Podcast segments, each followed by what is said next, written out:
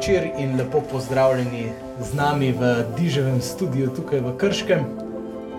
Moje ime je Benjamin Sitter in tukaj nocoj gostim Jureta in Marijetko Tikvič, ki sta se pripeljala prav od daleč iz Čerenšovcev. Um, vse vas lepo pozdravljam in se vam zahvaljujem, da ste si vzeli ta nocojšnji lep majski večer in se nam pridružili tukaj na Zoomu.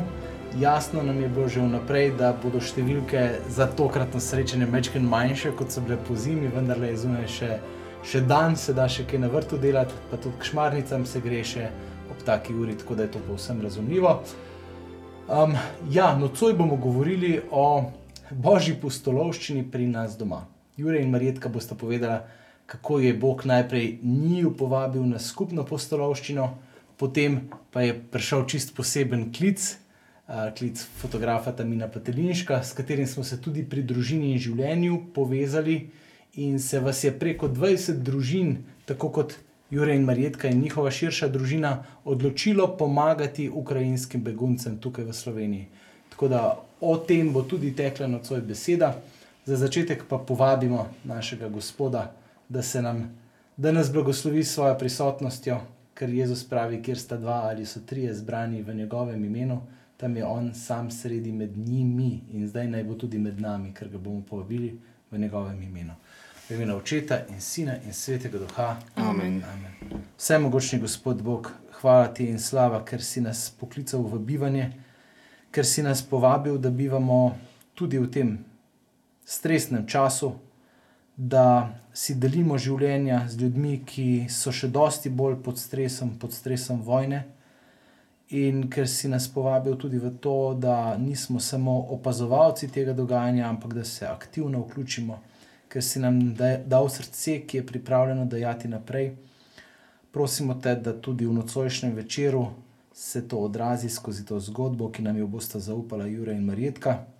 Blagoslovi njiju in blagoslovi vse, ki to gledate, poslušate.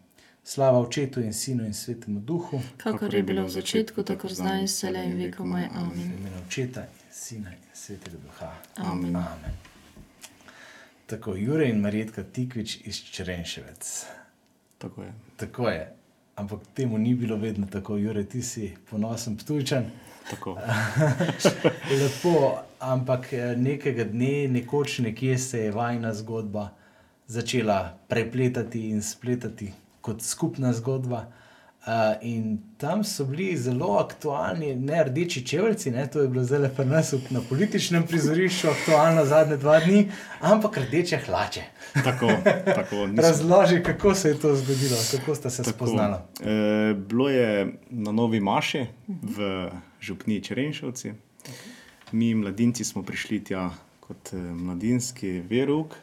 Um, z našim diakonom. Se pravi, ste uleteli. Tako smo leteli, ja, mladi smo leteli tja. Ne, in seveda mi smo kot mladi opozovali kelnerje, oziroma fantje kelnerce uh -huh. in obratno. Ne. In naenkrat meni pade v oči ena eh, kelnerica, ki ima rdeče hlače. Okay. Vse ostalo ima eh, belo-črno kombinacijo, evo, ona pa ima rdeče hlače. Edina. Edina. In tako se zgodba preprosto začne moje oči se zalepijo na njene hlače in to je to. ampak, verjetno, praviš, Bog ima res smisel za humor. Ja. Rdeče hlače niso bile čist namenoma, ampak so bile v narekovaju na ključne. Točno tako. In to je bilo tretji dan nove maše, se pravi, ne v nedeljo, ne v ponedeljek, ampak v torek. Okay. Ja, tako da zadnji dan, ko smo še imeli taka druženja. Uh, jaz sem imela lepo črno kiklo, pa belo bluzo, vendar me je, ko smo stali v koloni za mano, uh, kelner polil za juho. Jaz takrat nisem imela, seveda, mokra nisem mogla biti. Uh, imela sem pri sebi samo te rdeče hlače, sem se hitro preoblekla in nesla tisto juho. Okay, za mizo. Okay. Ja. In, in pogled se je ustavil. Jure, to pri meni. Kako so pomembne barve? Tako, zelo, zelo. zelo. Jure, kako si pristopil k stvari takrat? Pa? Jo, takrat sploh nisem pristopil k stvari. Takrat se je stvar eh, na vides eh, ogrela, potem pa kar ohladila. Aha. Eh, dejansko sem začela potem si dopisovati za pisme, še kar na klasičen način. Fizična pisma. Tako, ja, res si ogromno pisala. Wow. Ja, ja, ja. Ja. In to je trajalo kar ne pol leta, da smo si pisali pisma. Okay. In pol so postala fant in punca, in seveda potem smo oba obiskovala srednje šole, se vpisala na faks. No, in potem, v, ko sem jaz bil v dru, prvem, drugem letniku faksa, pa nam umre mama.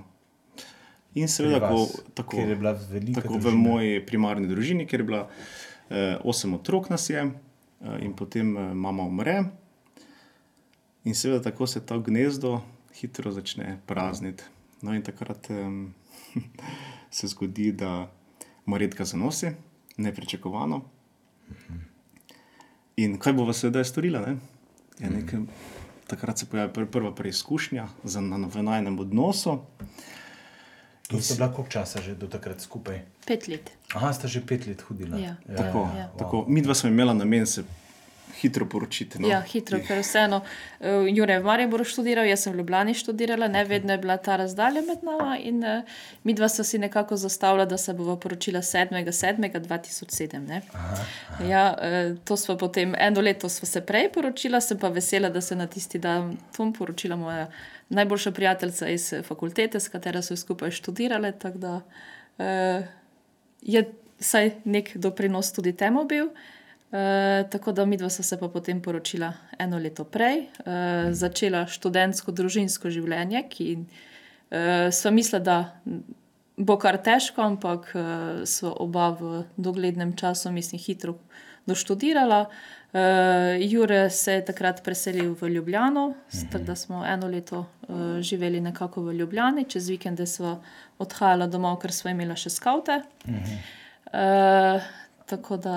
Se, se pravi, kot verna človek, kot skavta, v bistvu nista nekega resnega pomisleka imela ali sprejeti otroka, ali vaju je tako malo zamajalo. Ja, je naj zamajalo. Ja. Ja, to je posebej zgodba, ja, ko naj jo zamaja, dejansko v tistem trenutku, ko izvemo. Tisti prvi trenutek, ne res. Tako, eh, ja, Marjetka noseče, kaj bo zdaj storila. Ojoj. E, Pomislila smo tudi na splav. Uh -huh. In takrat smo rekli, da um, to je prva najna preizkušnja. Če bo na tej preizkušnji padla, potem naj odnos sigurno bo tudi naj odnos padel. No. Uh -huh. In mi dva spremeva otroka in takrat se nam dejansko odpre življenje za najo, za naj odnos in tako živiva naprej. Če lahko samo še malo pobezem v to zgodbo. Mm -hmm. Zdaj smo se precej pogovarjali tudi o tej tematiki. Ne? In je zelo pomembno, kakšno vlogo pri tem odigra moški, predvsem se mi zdi. Ne? Jure, kako si, oziroma Marijetka, kako se spomniš, da je Jure reagiral takrat? Eh, Moram povedati, da sem jaz bolj dvomila. Mislim, okay. Bolj je mene bilo strah, eh, pa kako sploh eh, bova to zmogla, Aha. kot pa njega. pravi, on je bil steber, Ja, je bil on je stabilen. res bil pravi steber. -huh. uh, vem, smo se peljali v Mariboru čez most, pa je bila poradi ognišče pesem med iskrenimi ljudmi. Ne? In uh, so rekla, gledaj, res na prvi točki ne moremo. In mislim, kako bo lahko mi dva iskrena celo življenje, če bi zdaj na tej prvi točki padla. Mm. In tako vedno ta pesem uh, mi odzvanja, pa ko jo slišim, se spomnim na tisti trenutek, ko smo rekla, da življenje. Simbolizira življenje. Ja, ja, ja. Haleluja, zelo lepo. Ja. Hvala. Um, potem pa so se študijska leta končala in treba se je bilo odločiti, kako in kam.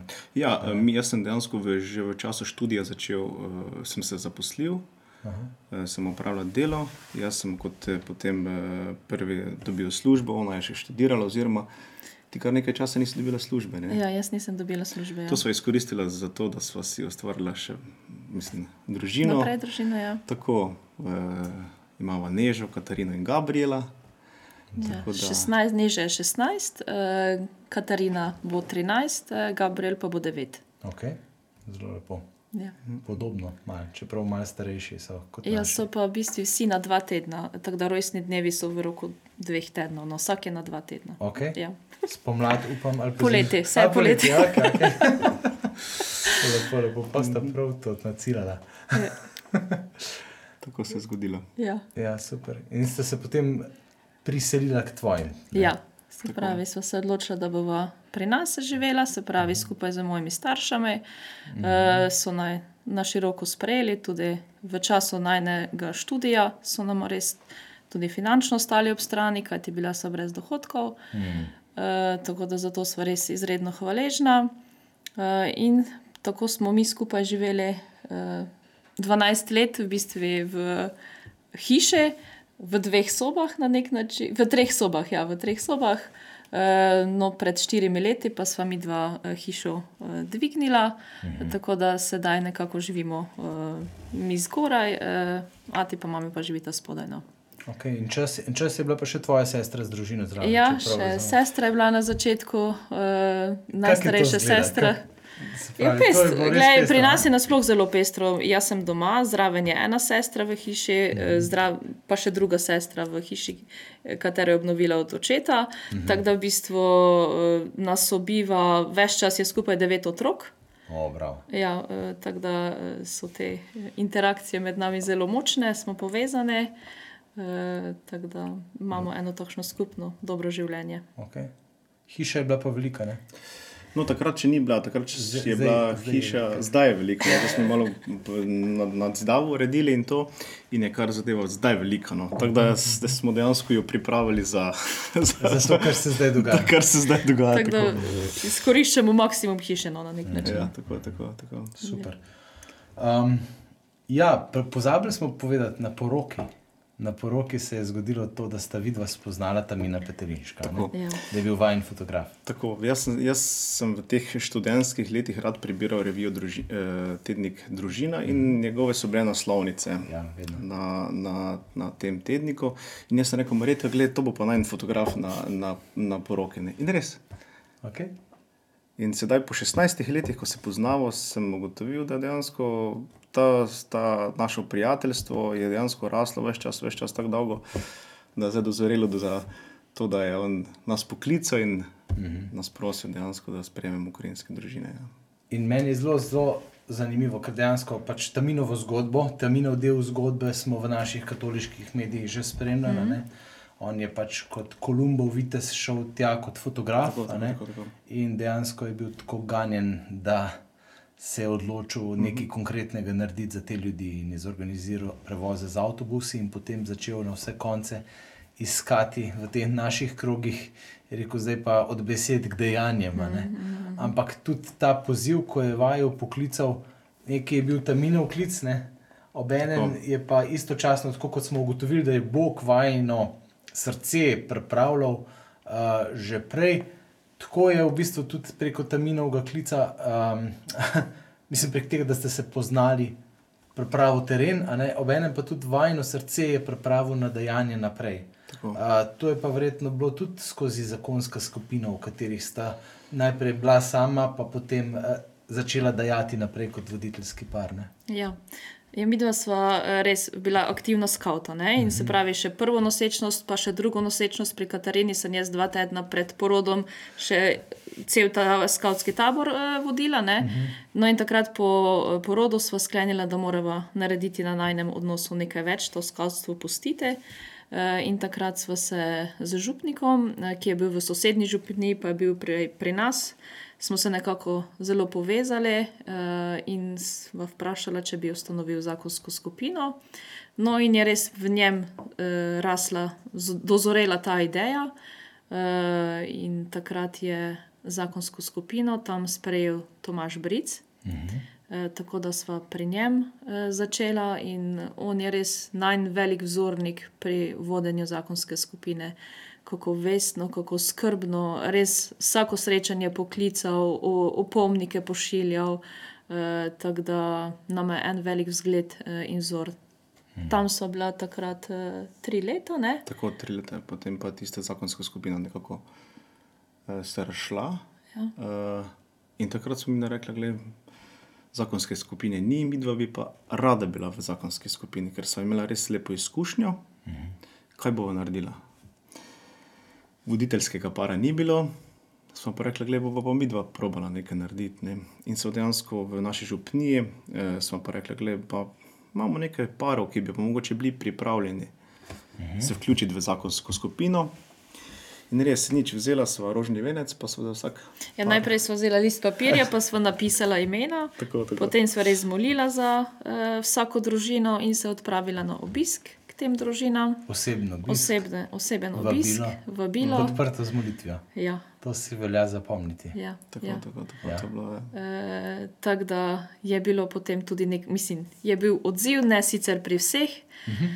E, pri dostih parih je bil predvsem problem moški lik, ne? se pravi, Aha. ženska bi šla, moški pa ni hotel. Um, moram povedati, da so bila pri nekaterih parih kar strajna, da so strala, ampak ko vidiš, da ne gre, ne, uh -huh. uh, pa nekako prepustiš tudi božje roke, pa bo Bog že enkrat deloval, da bo tudi na pravi način. Uh -huh. No, so se pa potem štirje pare opogumile. Uh, bil je takrat problem, vsi smo imeli še dokaj majhne otroke, kdaj sploh zakonsko skupino. Uh -huh. Eh, kateri dan, kako z otroci. Eh, tako da potem sem pa našel katehistinjo, eh, ki je tudi vzgojiteljica, svoje poprosila, če bi ta čas, ko imamo mi zakonsko skupino, pomirkala otroke. Bravo. Tako da je bila pripravljena, je imela 12 otrok naenkrat, mi smo pa imeli v nedeljo potem zakonsko skupino ja, v Župnijskem nedeljo, domu. Ne? Ja, ja. V nedeljo, ja. Se pravi, ker je volja, tam je tudi pot. Ja, ja, ja. Pa malo ino, inovativnosti je treba. Ja. Mi je pa res tako navdihujoče. Na Tomaš Bric ga ni več med nami. Ja, Ampak tudi tako. jaz se spomnim, ko sem. Ne, gospod poklical k sebi, moža, ker je štirikrat zbolel za rakom. Tako, tako. Eh, z ženo Marijano sta res vodila zakonske skupine in je v tak velik navdih. No, kakšna dediščina enega človeka ostane. Ne? Se ja. ga spomnim, ko sem bil na svetopisanski družbi, kako je tudi zauzeto tam preko škofijskega urada za družino deloval, pa svetopisanske maratone pomagal organizirati. Res, um, en človek lahko naredi veliko razliko ne? in tudi, ko ga ni več na tem svetu, pusti svojo sled, ki ostane. Ne? Mm. Ta sled eh, jo jaz prav dobro uporabljam, resno, ko moram kot voditeljski par in eh, napisati SMS-e, da takrat in takrat imam zakonsko skupino. Ne, vedno se spomnim na njega, vedno mm. mi ta klik, eh, da Tomaš je tudi vestno nas vabil na zakonsko skupino, da sedaj je tam vlo, ta njegova vloga, je moja vloga ne, in gled, mm. to moramo praviti. Ne. In me kar nos podbuja, tako da je res super. Wow. Veš, to je ta odnos, da dajemo naprej. On je dajal naprej in ti daješ naprej. Tako, super, ja. In no. potem je prišel ta klic, kot smo ga že prej nakazali, za, za dajanje naprej ljudem, ki so se znašli v situaciji, ko so brez doma, brez prostora, kamor bi človek glavo položil, tako rekoč ne. In, um, Poleg taminovega klica bo ta mečken šla v to, kako se je sama zgodba odvijala, ampak ta duhovni vidik tega klica me tudi malo zanima, no? kako je to. Mm. Bog v vama deloval in zbudil to željo, da dejansko pristopite, pa skupaj s tvojimi starši, seveda, s katerimi ste v hiši skupaj. Ne?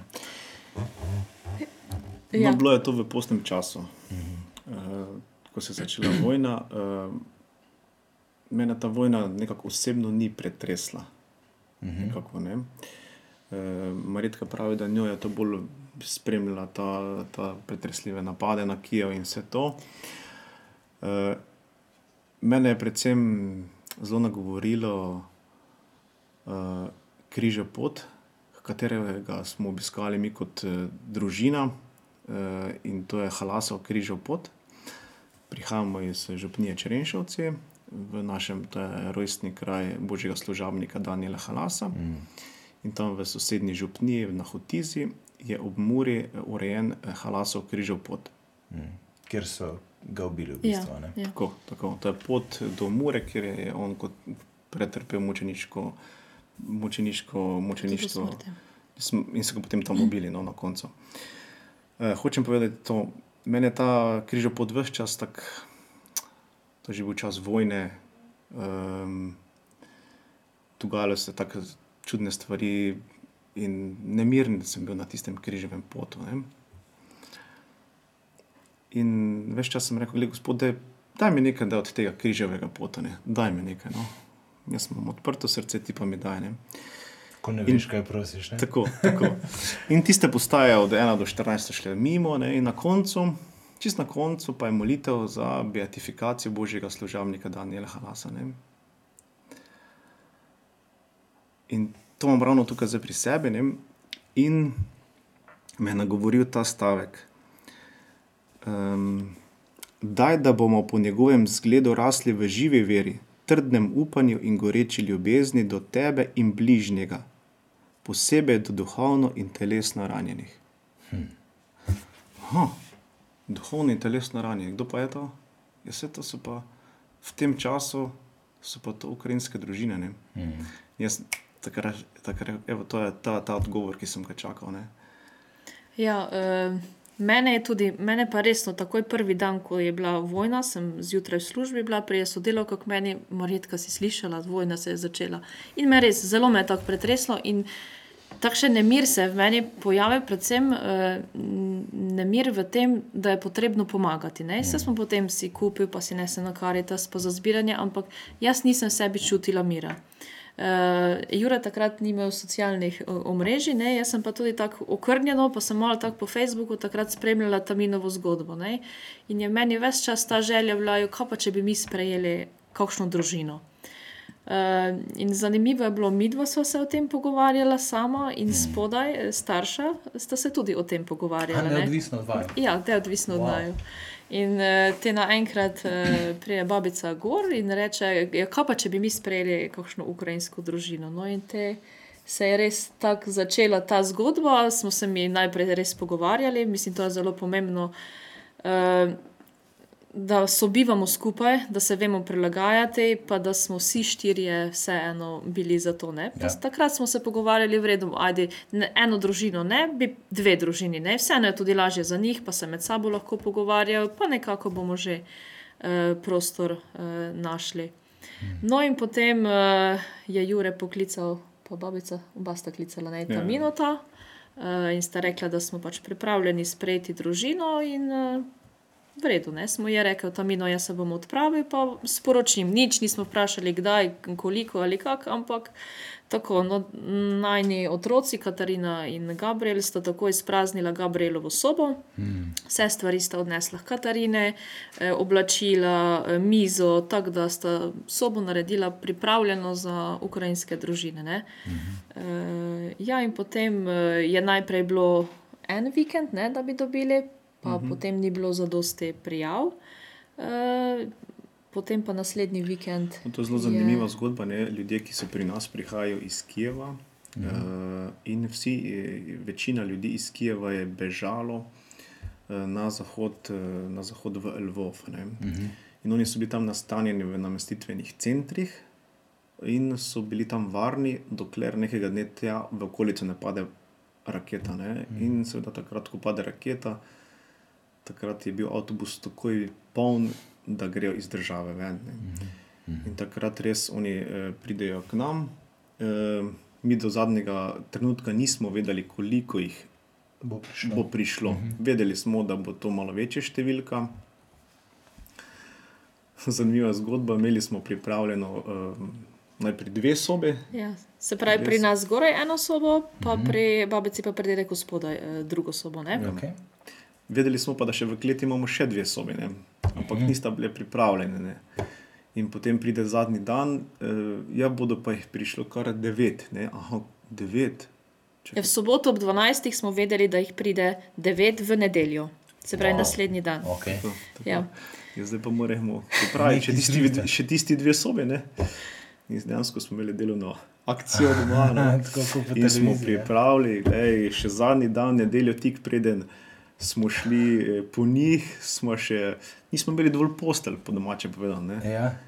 Res še pri, pri sosedovih smo dve postelji. Izpod Dobiš- otrok, spune, vse rekel. ne. Zanimiva zgodba. Ja. Še dejansko nečak je spal v postelji, se rekel, da vstane, ker bo, moramo pripraviti postelje za ukrajinske družine. No, in res velikodušno so se odzvali. No, tako da smo pripravili vse in, eh, in gremo. Prišel? In gremo po Lepo njih. je. Ja.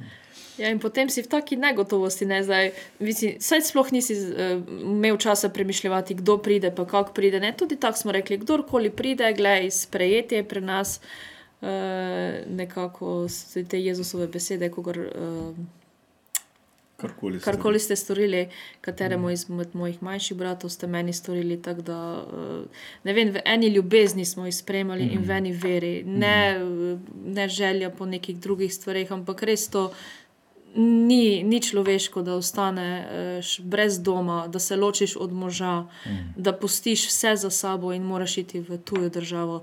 Verjetno tudi njim je bilo negotovo, komu grejo. Ne? Ja, Eh, ja. Mislim, da še njim veliko bolj, eh, glede na slabe Seveda. izkušnje, ki so jih eh, imele ogromne družine, pa tudi mi na nek način. Mi smo vedeli, pri nas res imajo dobre pogoje uh, za življenje, ampak uh, vseeno, ne, to je devet ljudi. Devet ljudi v, z danes na jutri sprejmeš uh, pod svojo streho in bistvo svoje rekla. Vse, kar je naše, je njihovo. Ne. Mm. Nekaj zelo pomembnega si povedala, pa rad izpostavil, malo potegnil ven, pa postavil v eno klepaj. Ne.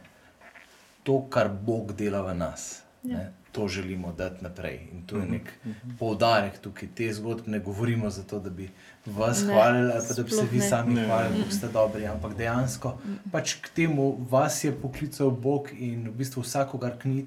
Od nas kliče k nečemu, ne, ja. ne zdaj vseh k temu istemu dejanju, ljubezni, ampak če smo odprti za njegove navdihe, nas bo poklical na eno postolovščino in to je ta vaša, ki je pa res zanimiva.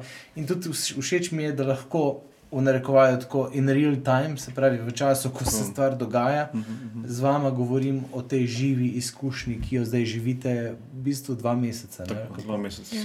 In teh devet ljudi so tri mame, če prav razumem, tako. z mhm. otroki. No, naj predstavim, nekako predstavim, to sta dejansko dve sestri, mame. Uh -huh. In ta tretja je pa še potem od uh, ena izmed teh dveh sester, je učiteljica plesa. Je učiteljica plesa in ona dejansko je svojo učenko pripeljala s seboj. No. In ta učenka wow. je, vzela, je vzela tudi mamo in še sestro. sestro mm -hmm. Tako da je mm -hmm. potem uh, so one se poznajo med seboj, mm -hmm. uh, dobro funkcionirajo in uh, zaenkrat je res dobro. Ja. So pa prav iz Kijeva doma. Ja, ja, ja, in tisto nedeljo so se pojavili na vratih. Ja. Kako je to izgledalo? Ja, uh, Jure in babica sta se odpravila po njih v Žalec, v, Žalec, uh -huh. v Karitasov center, uh mhm. -huh. mi dva z dedekom so doma kosilo pripravila.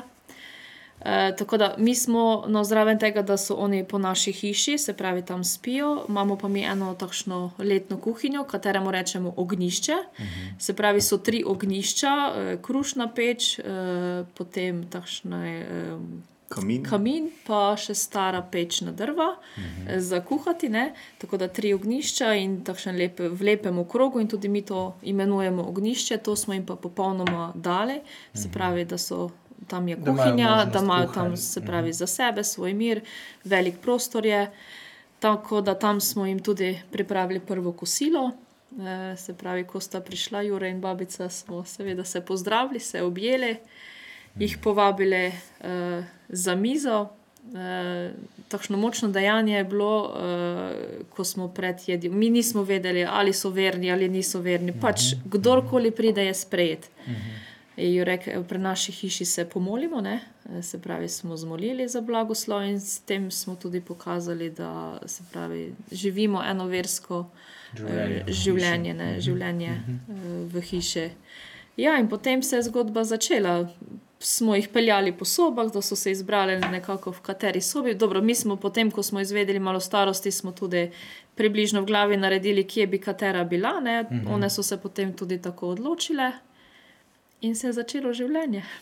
In dejansko to je sobivanje, ne? ker so prav ja, z vami. Sobivanje, ja, mi si delimo skupaj kopalnico. Uh -huh, uh -huh. Da, mislim, kar je meni najbolj zanimivo, recimo pri nas zdaj zgoraj nas je osem in nikoli še ni bilo nekega čakanja pred kopalnico v eni kopalnici. Ja. Da, nekako se ta vse tako čez dan, različne ure gremo tudi v službo, eh, v šolo, tako da se res lepo vse eh, razporedimo.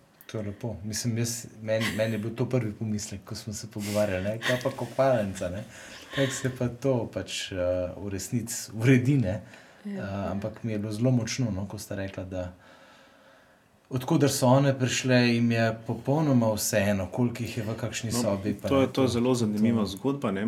One so uh, 20 dni živele v zaklonišču. Uh mhm. -huh. In uh, so res imele težke zgodbe. Ne? Da smo to izvedeli, uh mhm. -huh. je bila potrebna zelo težavna komunikacija. Uh, one govorijo rusko, uh -huh. uh, ker je tam pogovorni jezik pri njih, pri njih rusko, ne mi pa slovensko. Ne? Uh mhm. -huh. Angliščina, Angliščina ne obstaja. Ne. Uh -huh. Angliščina ne obstaja. Okay. Je, bomo, pa, bomo se pa tako pogovarjali. Ne? Tako da naši pogovori so zelo uh, dolgi. Ja. In eh, hkrati uporabljamo seveda te mo- mobitele z Google, Google Translate. Ne? Okay. In tako se potem sporozumevamo. Ne? In uh, zgodba o tem, kar sem začel, glede njihovega bivanja v, v zaklonišču, ne, je zelo težavna.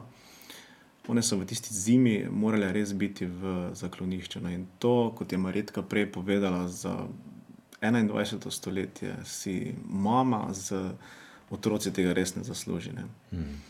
In ko slišiš to zgodbo, gledaj, uh, si res pretresen. No? In, in, in ni upravičljivega razloga za to, kar se dogaja sedaj tam, v Ukrajini. Pa če je to. Pa otroci so prišli, to so bile suhe, rdeče roke, mislim, tak, pa že nasploh suho. Ampak ne vem, tako tisto, ene, ko sem jaz te roke videla, pa te, ko sem tako in skremo mazala. Jaz sem, jaz sem čutila, kako da Jezusa mažem. To besedno, veš, tisto. eh, Ti, tisto nežnost, eh, da res lahko nekomu pomagaš, ki je res preživel, re, res grozote. No. In ne vem, na, naj Rus, naj Ukrajinec ali kdorkoli je kriv za to vojno, ampak to so pa ljudje ne? in potrebno se je res njim posvetiti, njim odpreti srce. In to se mi zdi zelo, zelo uh, pomembno. Ne? Ne, ne se ukvarjati, zakaj, pa kako, ampak oni so sedaj tukaj, da jim omogočimo neko dostojno uh, življenje. Kako se pa res ti otroci zdaj, bi rekel, obnašajo, oziroma kako so zaživeli, pa kako so bivajo z vašimi otroki, pa tako, kak je tak vsak dan. Ja, oni so, Recimo, oni so dejansko prišli sem z, z nekakšnimi cilji, z ničemer, samo da imajo streho nad glavo in to je to. Ne. In Tudi mi- za maksimalno, prosti, eh, so rekli, da en mesec. ne. One, to so komaj zdaj povedali. Aha, da so imeli Da so one načrt. mislile, da maksimalno, pa res v enem mesecu, pa one grejo nazaj. Ne? Ja. No in seveda oni s tem pridejo ciljem, nikakršnim. Ne. Mi pa smo imeli eno željo, da se čim bolj vključijo, oziroma da se jih zaposli, zaposli otroke in tako naprej. In seveda prvo smo poiskali najstarejši, Nataši. Uh, ona je stara 17 let, uh, srednjo šolo, uh -huh. hodi skupaj z našo nežo v srednjo šolo, v Ljutomer, v gimnazijo. Seveda, stopiti v kontakt z srednjo šolo, potem smo šli naprej v osnovno šolo, dva, dva obiskujeta osnovno šolo, Aha, in se dejansko hodijo v slovensko. Ja. v slovensko ja, šolo, ja. Najmla, eh, potem pa Dva še pa smo dva še zdaj v vrtec. na vrtec. Ja. Ja. Ena pa je doma, je stara zdaj bila tri leta, pe, pred dvema tednoma, tako da tiste pa doma z mamo, vseeno okay. se ni odločila za vrtec. Ne. Ja. Tako da ja, je pestro, glej, eh, pri nas so otroci pred dvema mesecema skoraj zaključili za šolo, mm tako da se res eh, malo težje sedaj učijo. Aha, aha, so imeli malo predčasni konc. Ja, ja, ja. Kako pa ti, kot mami učiteljica, to doživljaš? Pa dobro, ni, ni zdaj nobenih težaven, da bi ja. povzročal težave, glej, mislim, ali pa tako eh, so katere vrednote v življenju včasih morajo priti tudi v spredje, To sem vse hotel slišati. Učenje in uh, znanje. Uh, tako da, ja, dosti so skupaj, veliko se igrajo, uh, govorijo že oni slovensko, naši ukrajinsko, tako da So misli, se kako to naučili. otroci, komunikacija med njimi steče, to ne moreš. No, mamice hodijo na, Ukrajin, mislim, na slovenščino, ne, na tečaje, redno obiskujejo, res se trudijo, pa tudi ta najstarejša Nataša. eh, Gre z njimi tako, da se učijo, se želijo vedeti, Je pa ne to sobivanje med otroci, pa že tudi pride potem kakšen spor, pa je potrebno rešiti. Ne? To je zdaj ogromno koles, zunaj so res veliko časa zunaj, pri nas je res na koncu vasi smo, velik travnik. Eh, tako Se da ni- dogaja. se dogaja, se Ja, to dogaja. je fajn. Ja. Ja, Ja, potre, ker- potrebno je kar um, priskrbeti nekakšno zadožitev. Ne. Primer, um, vedeli smo, da bodo kolesa res najboljše sredstvo, s katerim bodo oni lahko pri nas, kar je ravno, gledaj, kolesarili popoldne. To so se velikodušno odzvali, res sosedje in prijatelji. Glej, imamo kor koles, kolikor hočeš, od eh, najmanjšega do največjega. Eh, servis je potreben vsakodnevno, še Aha. ravno danes, preden smo šla, sem mogel servisirati kolesa, ne veš, šta okay. se zdaj obrabi in to. In jim je potrebno ja, pomagati, eh, jih spremljati. Pa še mogoče to bi povedal, ta sprem, sprem, spremljava njih je v tem tudi, da jim prisluhneš, oziroma jih um, povabiš zvečer, glej, daj, malo se vsedimo, glej, malo se pogovorimo. Ne. In um, pri tem bi rad mogoče to izpostavil, da sem spoznal, um, ko te vprašam, bi ne mi kako si. Dober, ne? Dober, Dober, ne. Ja, ja, ja. In pri tem sem spoznal, da ta dober za tem dobrom se marsikaj skriva, oziroma se skriva, Vina, ne. se skriva tisto, kar em, nihče na prvo žogo noče povedati. Ne. In ravno to smo jih mi tudi naučili. ne. Ha, kako si on odgovori dobro, dobro oziroma rusko harašo. Ne, in seveda dobro, pa se res dobro. No, in potem počasi stopimo v pogovor ne. in se odpirajo zanimive zgodbe. Kar sem prej omenil, recimo o tem zaklonišču, ne, one, te prizadetosti eh, in tega ponižanja, dostojanstva, človeškega dostojanstva, niso nam hoteli sploh pokazati, kako je bilo v tem zaklonišču. noter, ne.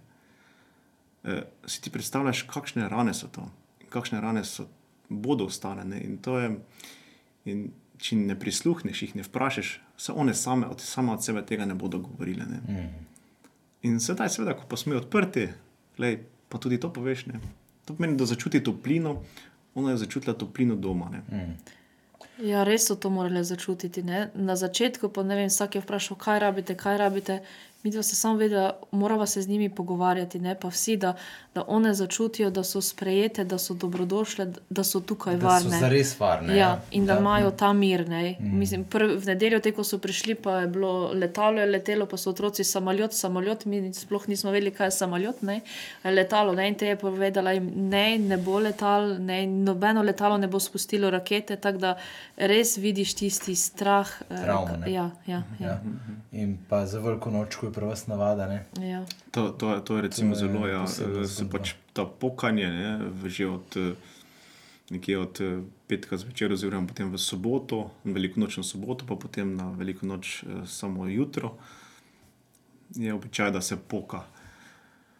In uh, res je, smo dejansko nekako prosili, da se bi, glede na to, da imamo ukrajinske družine, da se to malo zmanjša. In res so ljudje so zmanjšali to pokanje, ker vsak pok jih neverjetno mm, prestraši. Ja, en teden pred veliko nočjo je imel eden v vasi Abrahama ne? in so razstrelili mu nek sod in je to ogromno počilo.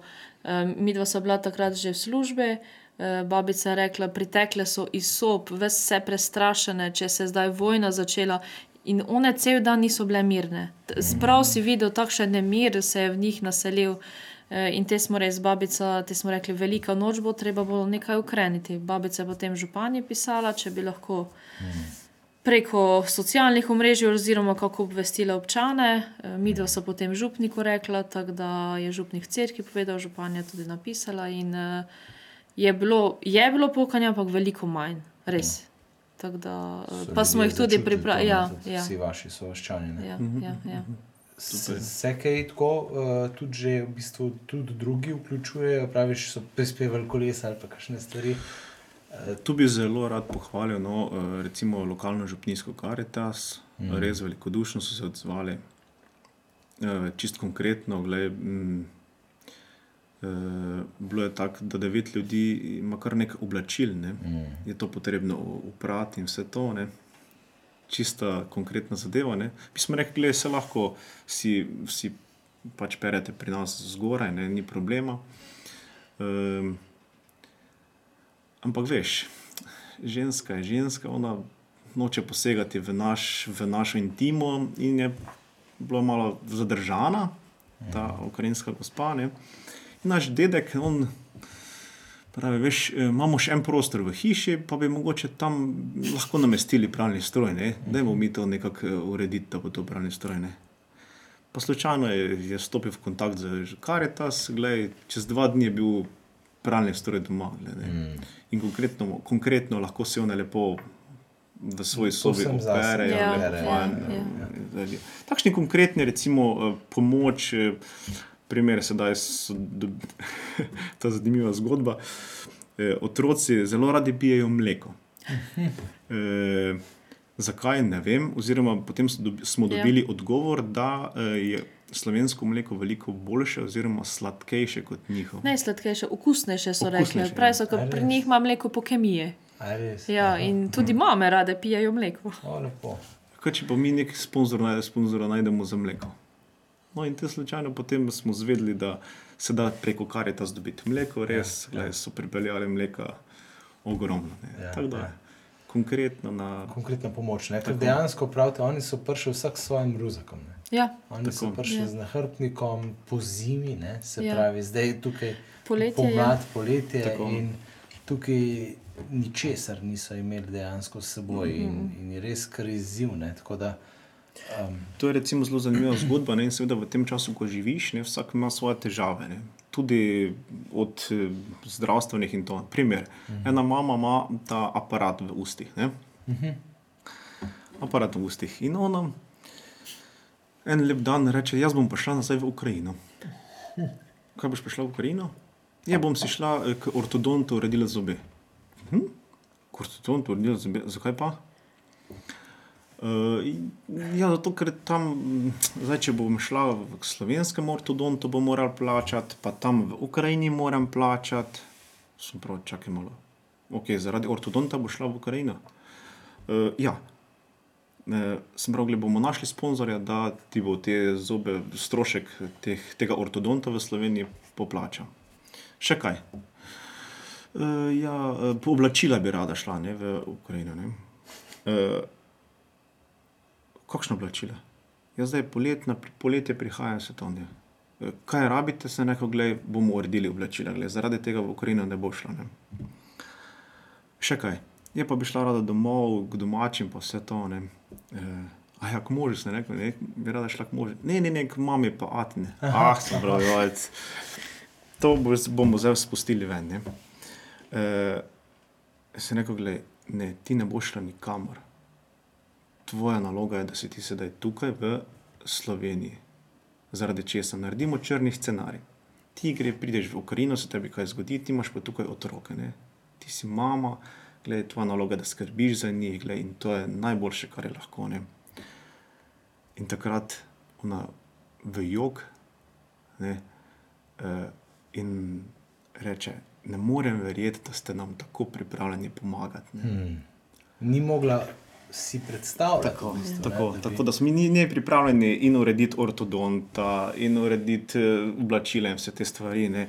In uh, ravno to hočem povedati, da je takrat uh, začutiš, da jim je potrebno prisluhniti, oziroma da se je potrebno z njimi pogovarjati. eh. Vseeno veliko občutljivosti Tako, resnici. ne. tako, z veliko občutljivosti, ker ja, Ob ja. tej travmi ne, je, je pač težko, bi, bi človek vendar kar hotel sam nekako. Ne. Mm. Ampak eh, to, ko si rekel, črn scenarij, se ni čist nemogoč, ne praviš. Seveda, ne, Eh, Starši so tam, nji- njihovi to so v stikih. ne. To so v stikih, to pomeni, one so v stiku z svojimi domačimi dnevno. Uh -huh. um, nobeden od m, teh moških, ki živijo, mislim pač z možmi, ki so v stiku, nišče ni v vojni. Uh -huh. um, da po ključu, Ena šest, Ena pravi vsak šest. šesti moški je v vojni ne? in noben od teh treh mam. Od teh, Nobeden od mož od teh. Ja, ni šesti na vrsti. Aha, aha. ja. kakšen ključ je izbiranja, to ne vem, kdo gre, ampak tako so nekako Ampak povedali. države pa ne smejo zapustiti. Ne, ne, Tako, ne. kolikor bi, v rezervi. v, okolikor bi imeli tri in več otrok, bi lahko Aha. zapustili državo in potem šli. Ne? Ampak uh, oni so potem zdaj vsi ostali tam. No. Okay. Tako da hodijo v službe, oziroma ne vem, kaj delajo. Mhm. -hmm. Niti tako ne, to ne sprašujem. Ja, ker rekel si zanj, da je prav ena granata padla tam blizu tega doma njihovega. in Tako, ne. tako da, To- to se hoče reči, da realnost pa je nevarnost. Mislim, realnost nevarnosti je čist. Ja, No, obstaja. 100 metrov od doma, Bilo od je na ene, velikonočni ponedeljek. Ja, ne. Na velikonočni ponedeljek je bilo, ko pokaže Nataša dejansko uh, fotografije, ki jih je slikal, mislim, da njihov sostanovalec v tem njihovem bloku. Bilo je, da po noči je dejansko padla raketa 100 metrov stran na drugo hišo. Hiša totalno raznešena in mm, pofotografirana mrtva trupla leži okrog. Ne. Si predstavljaš, živiš z sosedi, kar naenkrat dobiš fotografijo, soseda v hiši ni več, eh, pa še sosedov ni več. ne. Tako da to so res uh, težke zgodbe. ne. stvari, Ja. Grozne stvari. Um, ker v bistvu jaz sem pa tako slišal, da je naše kakšne ljudi. Ne? Ja, se zdaj so tukaj ti ljudje, zdaj jim naša država itak pomaga. Ne? Uhum. Ampak, uh, kar pa vidno poveta, je pa v bistvu ogromno, ogromno teh birokratskih ovir in tudi ni nujno, da oziroma, ta pomoč, ki jo bo naša država namenila, je v resnici sploh še ni ne? in oni se morajo nekako znajti zdaj. Ne? Ja, res je ogromno birokracije, mhm. uh, ogromno papirjev, uh, nerazumevanja tudi marsikje na bankah, nasplošno z odprtjem enih računov. Že dvakrat smo za eno uh, šli v Ljubljano, najprej na veleposlaništvo, predvčeraj še na prevod, nek uraden, zaradi tega, ker nima internacionalnega potnega lista. Pravim, pri nas je to vse tako osko gledano, da pravim, zdaj dva meseca, pa še nič ni na nek način. Dobro, dobile so odločbo za časni zaščite, ampak zdaj za ta denarno pomoč pa še, še čakamo, se še vlečene. Tako da uh, ni tako enostavno pot, da jim država bo verjetno, ampak vprašanje pa tudi, kdaj bodo te stvari se rešene. Da, mm, mm. Eh, res hvala Bogu, da imamo doma tudi babico, ker ogromno stvari tudi ona eh, je lahko uredila, šla z njimi na ta urad, na drugi urad, ker v bistvu do povdne si mi dva težko vzameva čas. Mm -hmm. Tako da je to prej, ko vse to spostaviš, gre ogromno časa. No. Pa tudi mobilnosti, praviš, one same. Ne, one. No, to je posebej zgodba o mobilnosti, primer, ne, zelo zanimiva je zgodba. Eh, eh, kako boste šli v trgovino? Recimo? Ja, peš bomo šli, ja, hm. peš, ok, v redu. Pa gledaj, eh, mi imamo doma tri avte, glej, pridemo mi domov iz službe, avti so fraj, gledaj, tu imaš ključe, se peli. Ne, ne, ne, ne, ne ključ, to pa ne bom. Ne. Jaz zakajam, nimaš izpita, imam izpit, ja voziš, ne, vispit, mož mi ga je kupil. Ja, ja, no, zanimiva zgodba. No, gled, no. Okay. Res zanimivi način je v Ukrajini. Misli, to, kar govorijo, to si ne moreš predstavljati. Ja. Ne, Kaj se lahko tako zanimivost pove? No, aktualna zgodba je primer je cepljenje, primer, recimo. Mm -hmm. e, mislim, kako je, ste cepljeni, nekako. Ne? Jo, ja, potrdilo imamo vse, ne? vse potrdilo. Je, to smo vse mi nabavili, gled, enkrat, dvakrat, trikrat. Vse kačeš. Vse kačeš. Ja. E, tam, je, tam je ta koruptivna zadeva zelo, yeah, ja, zelo. Zelo živi, živi, zelo, živi, je, tako, ja, zelo ja, živi. Ja. Pravi ta primer, e, greš k zdravniku, si zlomiš roko, Mhm. Ja, moraš imeti zraven no? denar.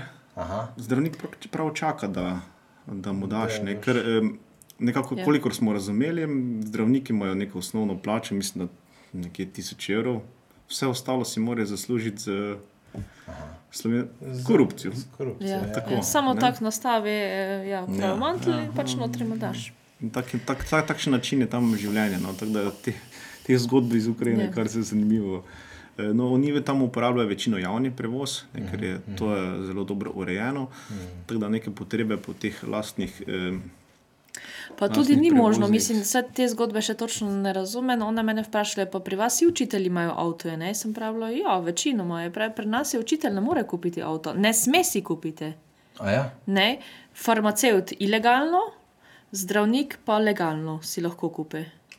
Ja, drugo pa nič. Si ne smeš? Ne, ne smeš se tudi cene avtomobilov, kako so razlagali, tudi uh mhm. -huh. rabljenih, to so zelo visoke cene. Ja, Tako da pravim, wow. te zgodbe eh, še kar premljevamo, pa da se sploh sporozumemo. Ampak rekla, ne, učitelj pa ni šans, da bi imel avto. Hmm. Da tam dobiš avto, pri nas ga za 1000 evrov tudi dobiš. Hmm. Pravi, da tam pod 7000 evrov avto sploh ne dobiš. Rabljenega tako rabljene. rabljene. rabljene. Ja, ja. Pa moramo vedeti, da je tam standard uh, bistveno nižji kot pri nas. Mm. Uh, dočim Kijev je pa cenovno, je pa primerljivo našemu. Tako da je kar, no, te zadeve so finan z finančnega stališča, so one zelo osiromašene, glede na to, kam so one zdaj prišle. One so mm. prišle na za njih kar višji standard, to pomeni stroškovni. Mm. Uh, one pa dohodkov dejansko nimajo. No. Uh mhm. -huh. Jaz njih ne sprašujem, koliko oni dobijo, od koga dobijo.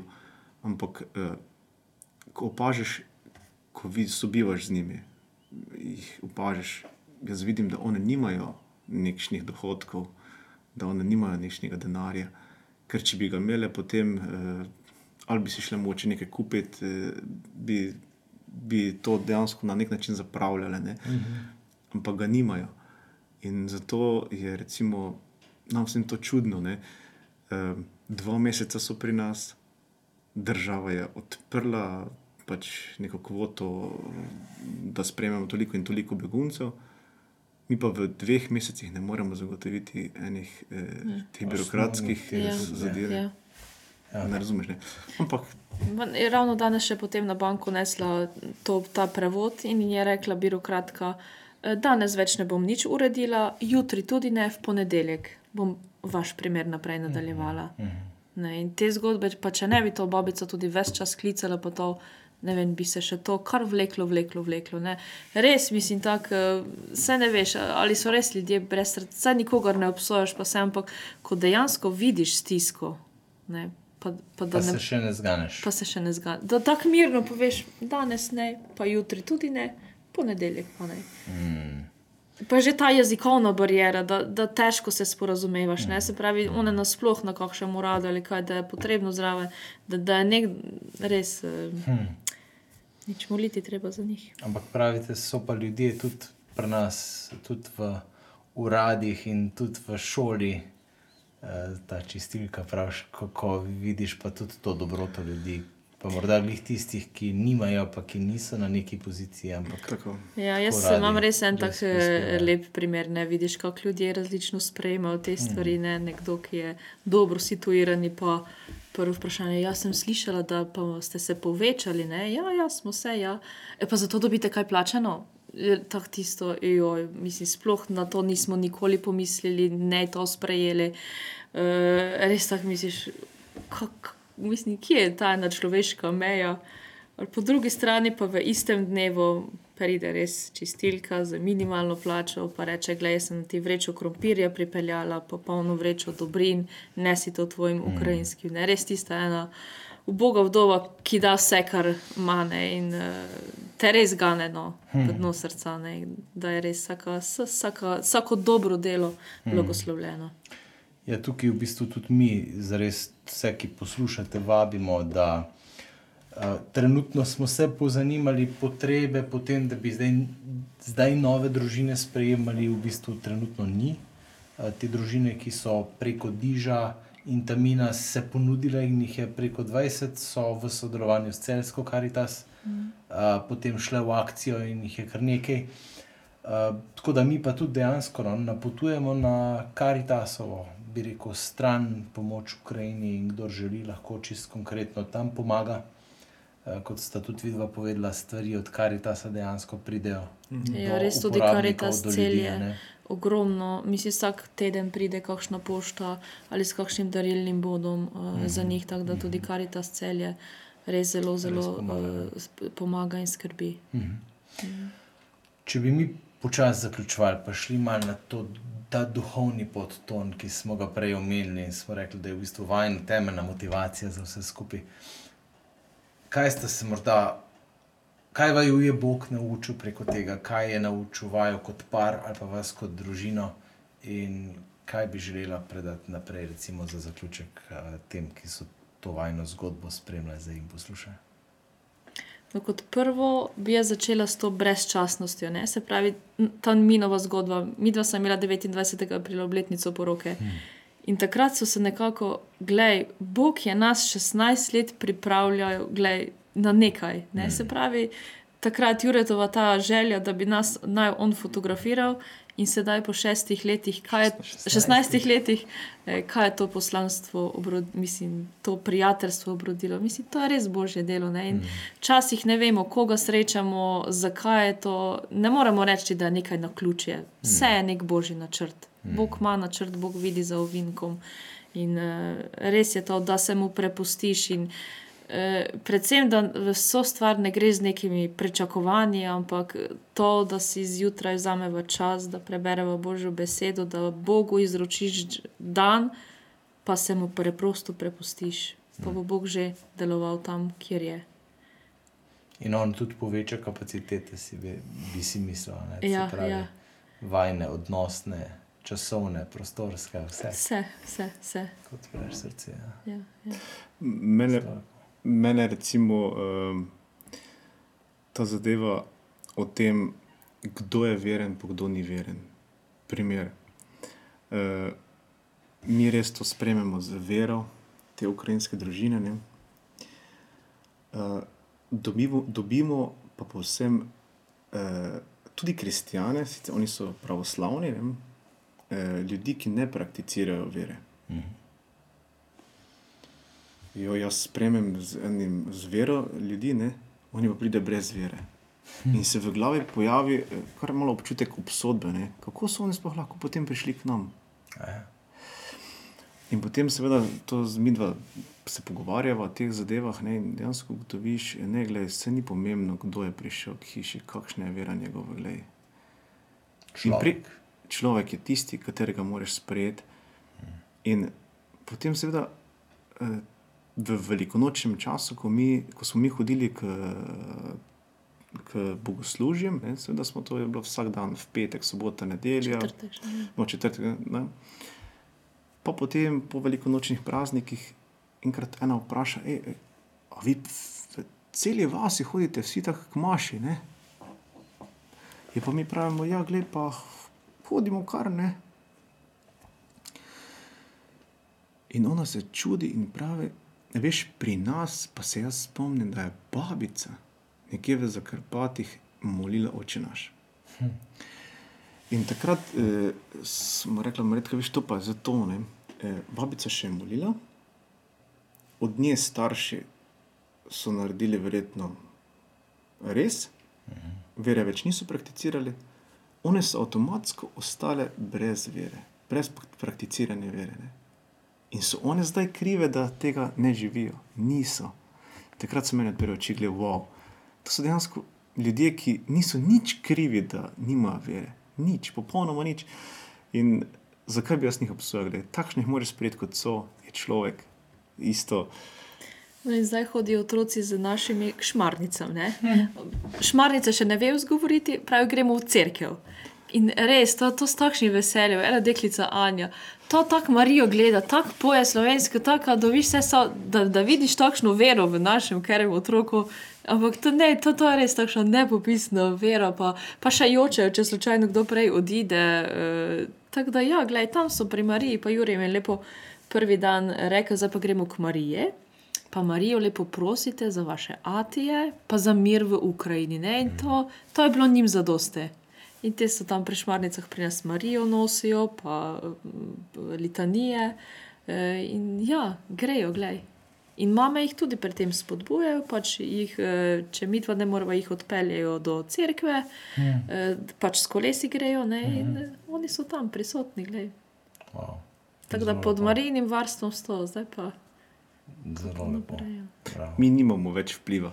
Ja. To bo Marija Ja. pravi čas uredila. Ja, glej. ja, ja.